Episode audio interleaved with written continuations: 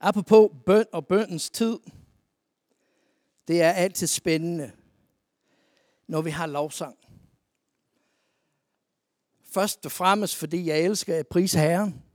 I kender mig godt, ved hvad jeg, hvad jeg tror på, hvad jeg underviser om, hvad jeg prædiker om, vigtigheden i at starte alt med lovprisning. At, at ophøje Guds navn, at løfte ham i vores sang. Men det, som jeg synes er måske endnu mere interessant, det er at være opmærksom på det, som vi synger, når vi synger lovsang. Fordi de fortæller os rigtig meget om den tid, vi er midt i.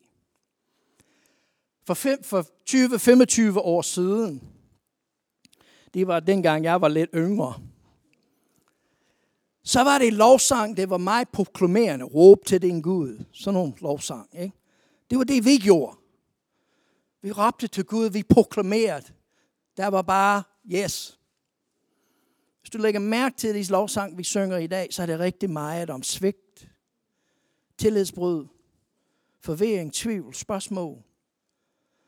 Vi lever i en tid, hvor vi aldrig nogensinde har haft mere, end vi har i dag. Det er den rigeste tid, vi nogensinde har haft. Og det er også den tid, hvor vi har flere spørgsmål end nogensinde. Vi oplever flere tillidsbrud end nogensinde. Vi oplever mennesker, som, som i midt i alt det fantastiske velstand, vi har, velfærd, vi har, fremgang, vi har, har svært ved at finde ud af, hvordan livet skal hænge sammen. At det bliver svigtet. At tilliden har ikke været der. Og hvis du lægger mærke til det, specielt i de lovsang, der bliver skrevet i vores tid, det er rigtig meget om, Jesus, du vil aldrig svigte mig. Jesus, du er den trofaste.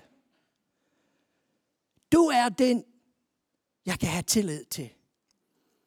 Som min favorit, hører du det, min sjæl. Du er tillid værdig. For os, der beder, og for os, som er profetiske, som os, der går ind i bøn, det er det, vi beder om og beder for. Fordi vi hører, hvad folk skriver om. Hvad de synger om. David han sagde, jeg var den, som sang Israels sang. Hører vi?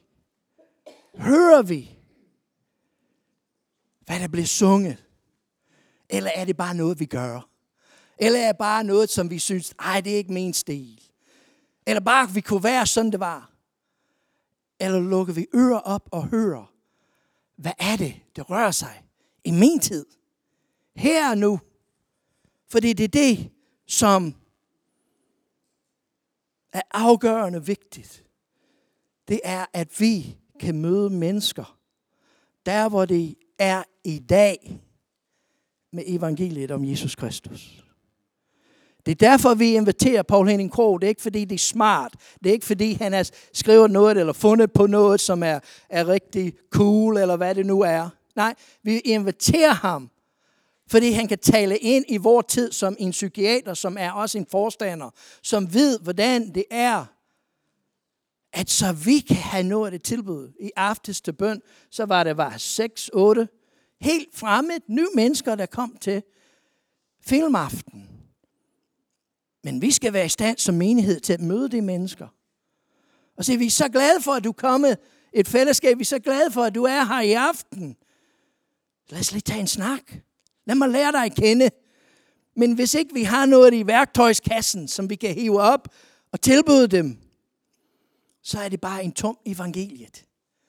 Fordi det ikke er, som det var i 80'erne, eller 60'erne, eller 1800-tallet. Eller der er grund, vi skrev. Det er op til os at gribe fat i vor tid. Paulus han skriver i Efeserbrevet, det fjerde kapitel. Og vers 1-6. Jeg, der er fange for Herrens skyld, formaner jeg dig til at leve, som det svarer til det kald, Gud har kaldet os. Han har kaldet os ud af mørket ind i lyset. Ud i fortiden, ind i fremtiden. Han har kaldet os til noget. Og I, vi, med al ydmyghed og mildhed, med tålmodighed, så I bærer over med hinanden i kærlighed. Og stræber efter at fastholde åndens enhed med fredens bånd. Et lame og en ånd, ligesom I jo også blev kaldet til et håb, en her, en tro, en dåb, en Gud, alles fader, som er over alle, gennem alle og i alle. Det er en mundfuld, ikke? Men Paulus han minder os om det kald, vi har. At vi i al ydmyghed, tålmodighed, mildhed, skal bære over hinanden, fordi kaldet, det ligger blandt os, det er åndens enhed. Fordi når vi er sammen i ånden, så er vi stærke. Og når vi er kaldet fra at gå ud af det gamle og ind i det nye, ud i fortiden og ind i fremtiden, vi kan ikke gøre det alene. Vi har brug for hinanden, vi har brug for at støtte hinanden. Og Paulus han minder os om som menighed, at vi skal stræbe efter at fastholde åndens enhed med fredens bånd. At hvis vi arbejder med fred med hinanden, så bliver det nemmere at arbejde med det samme ud i hverdagen. Fordi det er så mange gange i menigheden, at vi vil tale om kærlighed, for eksempel. Og kærlighed ud fra et åndeligt perspektiv. Og det er absolut vigtigt. Fordi hvis ikke vi forstår en åndelig kærlighed, så kan vi ikke komme nogen vegne. Men sagen er, at Gud har ikke kun skabt os åndeligt. Han har også skabt os fysisk og psykisk. Vi er, en, vi er mennesker af ånd, sjæl og lame. Det er det, vi tror på. Og når vi taler om kærlighed, så kan vi ikke kun tale om åndelig kærlighed. Vi er nødt til at tale om psykisk kærlighed, fysisk kærlighed. Vi er nødt til at tale mennesker som en helhed.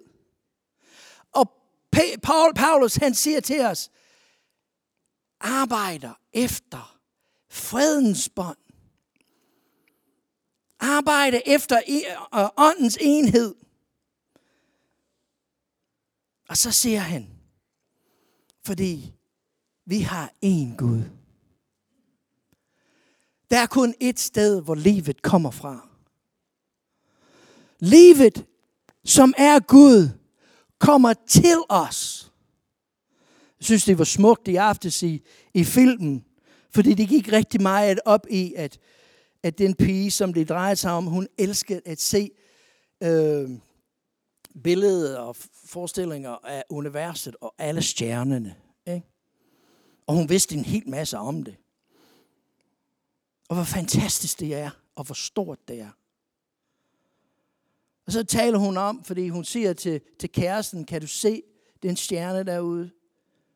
Den er rigtig, rigtig, den, er, den skinner rigtig meget. Og så siger han, ja, hvad for en stjerne er det? Hun siger, det er slet ikke en stjerne. Det er en gruppe af stjerner, som er måske en milliard stjerner, der er sammen. Fordi Gud har skabt hele universet. Og det liv er kommet til os.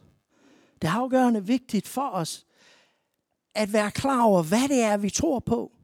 Vi lever i en tid af spørgsmål. Og nogen bliver bange for spørgsmål. Mange reagerer negativt mod spørgsmål. Det skal vi ikke. Spørgsmål er noget, vi skal invitere, fordi vi ved, hvad vi tror på. Folk er bange for spørgsmål, at folk ikke ved, hvad de tror på. Jeg ved, hvad I tror på. Spørg mig om hvad som helst. Fordi jeg har en tro. Og den tro begynder med, at livet er kommet til, er kommet til mig. At jeg er en produkt af Guds himmelværk, af hans skaberværk, af hele universet. Livet er ikke kommet fra mit indre. Livet er kommet fra universet til mig. Og den Gud, som er livet, er alles fader, siger Paulus. Han er over alle, gennem alle og i alle. Livet, som kommer til os fra universet, er kærlighed selv. Din far i himlen er kærlighed. Og det er den kærlighed, som Paulus taler om, som er over dig, gennem dig og i dig. Kærlighed er livets ånd. Kærlighed er det, som driver dig. Det er livets ånd. Det er Guds åndedrag. Kærlighed er det, vi løfter i vort liv. Det, vi er nådige overfor i vort liv. Det er kærlighed. Kærlighed er det, vi er generøst overfor. Skal jeg altid huske de tre ting, som definerer kærlighed. Fordi det er svært at definere kærlighed. Kærlighed er det, der driver dig. Hvis du vil vide, hvad du har kærlighed til, hvad du er forelsket i, hvad du ikke kan leve uden, så bare kig på dit adfærd. Fordi det er livsånden. Det er det, du gerne vil hele tiden. Hvis det er internet, hvis det er social media, hvis det er hvad som helst, det er det, det driver dig. Det kan være penge, det kan være arbejde, det kan være kæresten, det kan være det ene og den anden. Men der er et eller andet i dit liv, der driver dig. Og det skal man finde ud af, hvad er. Fordi hvis du vil nå et liv, hvor du finder fred, hvor du finder åndens enhed, så er du nødt til at komme til den konklusion, at der er kun én livskraft, livs ånd, og det er Gud. Det er Jesus Kristus. Han er den, der driver alt i mit liv. Han er den, som jeg vil løfte op. Jeg vil fremhæve. Jeg vil sætte pris på. Det er den, jeg vil være generøst overfor. Fordi kærlighed, det er det, der driver dig. Det er det, som du fremhæver over alt andet, og det er også det, som du er generøst overfor. Det er en far. Han er vores allesammen far. Paulus, det er noget, som han understreger igen og igen og igen. At din far i himlen er kilden i dit liv. Det, han er den livskraft, som er kilden, der bryder frem fra dit indre. Det er det, som driver dig. Det er det, som du ikke kan, kan styre. Fordi det bryder frem fra mit indre. Det er kilden i mit liv. Det er der, hvor alt i mit liv kommer fra. Det er, det, det er der, hvor alt udspringer fra. Det er årsagen til alt i mit liv. Det er kilden i mit liv. Og Paulus inviterer dig til at lade Jesus Kristus blive kilden i dit liv. At lade Jesus Kristus være det sted, hvor alt udspringer fra. Det sted, hvor alt starter. Alt strømmer fra. Alt kommer fra. Det kan være Jesus Kristus, siger Paulus. Det behøver ikke være smerter, fortvivlelse, tvivl, bitterhed. Det kan være noget andet. Det kan være ham, som har skabt universet. Det kan være vor far i himlen. Det er det, der kommer til at forme dig. Det, som er i vort indre. Det, som er kilden i vort liv. Det, som bryder frem i os, er det, som former os. Der er så mange af os, der bliver formet af noget, som er alt andet end heldigt. Der er rigtig mange af os, der kommer fra en fortid, hvor vi har oplevet nogle rigtig grimme ting. Uretfærdighed. Ting, som aldrig skulle have sket. Jeg blev udsat for noget, som er uretfærdigt. Men spørgsmålet er, er det det, der skal forme dig? Er det det, der skal være det indre? Skal min frustration i min nuværende situation, som ikke er blevet, som jeg havde håbet eller drømt om, skal det være det, der skal forme mig? Eller hvad? Paulus han siger, jeg har en bedre løsning. Lad Jesus Kristus være den, der former mig. Fordi vi kan tale om alt det, vi har oplevet, men vi kommer ingen vegne med det. Lad os ret blikket fremad og se Jesus form mig fra i dag af i det billede, som du har af mig. Lad Jesus være kilden i dit liv. Så at hans kærlighed vil være over dig, siger Paulus. Det er lidt sjovt, det ord, han bruger over dig. Fordi det betyder, eller du kan også oversætte, at det er noget, som omslutter dig. Det er ligesom, du er i midten, ikke? Og du står over for et eller andet, og du tror, at du er fuldstændig alene. Ikke? Men sagen er, at du kan ikke se herskernes her, der er rundt omkring dig. Fordi når vi har Jesus Kristus som vores kilde, når vi har kærligheden som det, som former os, så har vi hele himlens her rundt omkring os. Og nogle gange kan vi ikke se det. Nogle gange så tror vi, vi er midt i et eller andet, og vi er fuldstændig alene. Og så skal vi bare tage et skridt tilbage og løfte for øjnene og se, at alle himlen står rundt omkring os. Han er den, som vil lege sig ind i dit liv, siger Paulus. Han vil slå ring om dig. Han vil omslutte dig.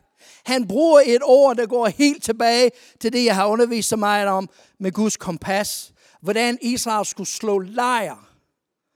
Han bruger et udtryk, det, det henvender sig helt tilbage til det, at Gud han vil slå lejr rundt omkring dig, fordi hans fred skal være din fred. Han har givet os Jesus Kristus. Og han omslutter os i kærlighed med Guds fred. Jesus siger i Johannes 14, 27, fred efterlader jer. Min fred giver jeg jer. Jeg giver ikke, som verden giver. Jeg giver den fred, jeg har. Hvilken fred vil du have?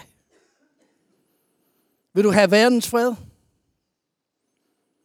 Lige nu her i tiden, så er det lidt usikker. Ikke? Hvordan sker det dernede i Europa? Kan de skabe fred? Hvis fred vil du have? Vil du have freden for verdens side? Eller vil du have den fred, som Jesus vil give dig? Og læg mærke til, hvad Jesus siger. Han siger, jeg, han siger ikke, jeg giver dig fred. Han siger, jeg giver jer min fred. Jeg vil have Jesus fred i mit liv. Kærlighed. Når det er det, der får lov til, siger Paulus, at forme os. Når det er det, der får lov til at blive det, der driver mig i livet, så vil kærlighed være det, som kommer igennem mig.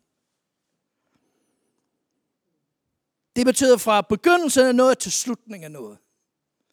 At han er med mig hele vejen. Han er den, som er kanalen i mit liv. Det er ham, der bringer vand ind i ørkenen i mit liv. Så ligegyldigt om alt omkring mig ser forfærdeligt ud. Hans kærlighed er det, som er igennem mig. Det strømmer med vand ind til mig. For det er det, jeg har brug for. Han er kanalen i mit liv. Og ved du hvad, når du lærer at leve som Gud vil, lærer at leve i hans kærlighed, formet af ham, i det billede, han har af dig, så bliver du Guds reklamer.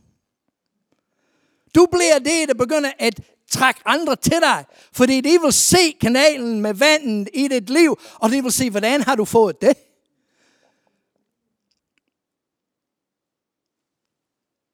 Når du lever i den kærlighed, som vi er samlet om i dag. Kærligheden, som er så anderledes end det, som verden fortæller os. Fordi vi tror på kærligheden, der bliver korsfæstet. Hvad har korsfæstelsen med kærlighed at gøre? Og alle, der er gift, siger, ja, vi ved, hvad den... Nej.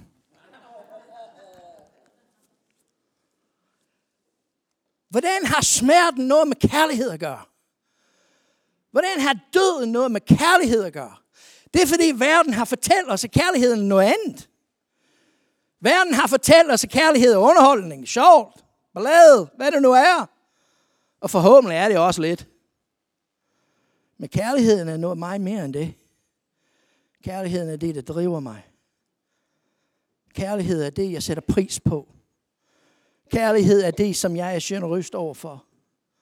Hvad er det, jeg investerer mit liv i? Hvad er det, jeg giver mig selv til? Hvad er det, jeg arbejder for? Lad kærligheden, som Gud er i mit liv, være den, som former mig, så at jeg bliver hans reklamer der, hvor jeg er. I Markus 1, 17 og Matthæus 4, 19. Det er det der famøse, hvor Jesus han kalder Peter og Andreas, Johannes og Jakob. Og han siger, kom og følge mig, og jeg vil gøre jer til menneskefisker. Det kender vi alle sammen, ikke? Er du klar over, at i, i Markus evangeliet, så bruger Markus et ord for at følge. Og i Matthæus, så bruger han et andet ord for at følge.